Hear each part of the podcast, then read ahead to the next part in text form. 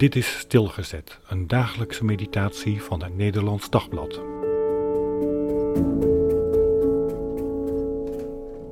Moet het zo?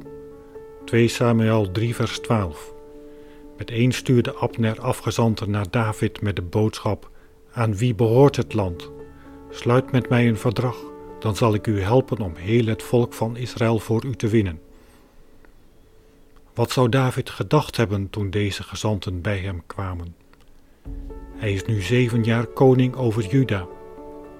Vast en zeker had hij in het begin gehoopt dat de overige stammen zich snel bij hem zouden aansluiten. Maar nee, opnieuw liet de Heer hem wachten. En Abner bleek de grote kracht achter het verzet tegen David. En nu ineens komt deze man met een voorstel voor een verdrag dan zal hij David wel eens even helpen om heel Israël aan zijn kant te krijgen. Alsof je van zo'n verklaarde vijand ooit nog hulp wilt hebben. En dan is er meteen de vraag: is dit de manier waarop de Heer zijn belofte waar wil maken? Hoe zoek ik nu het beste voor dit verscheurde land?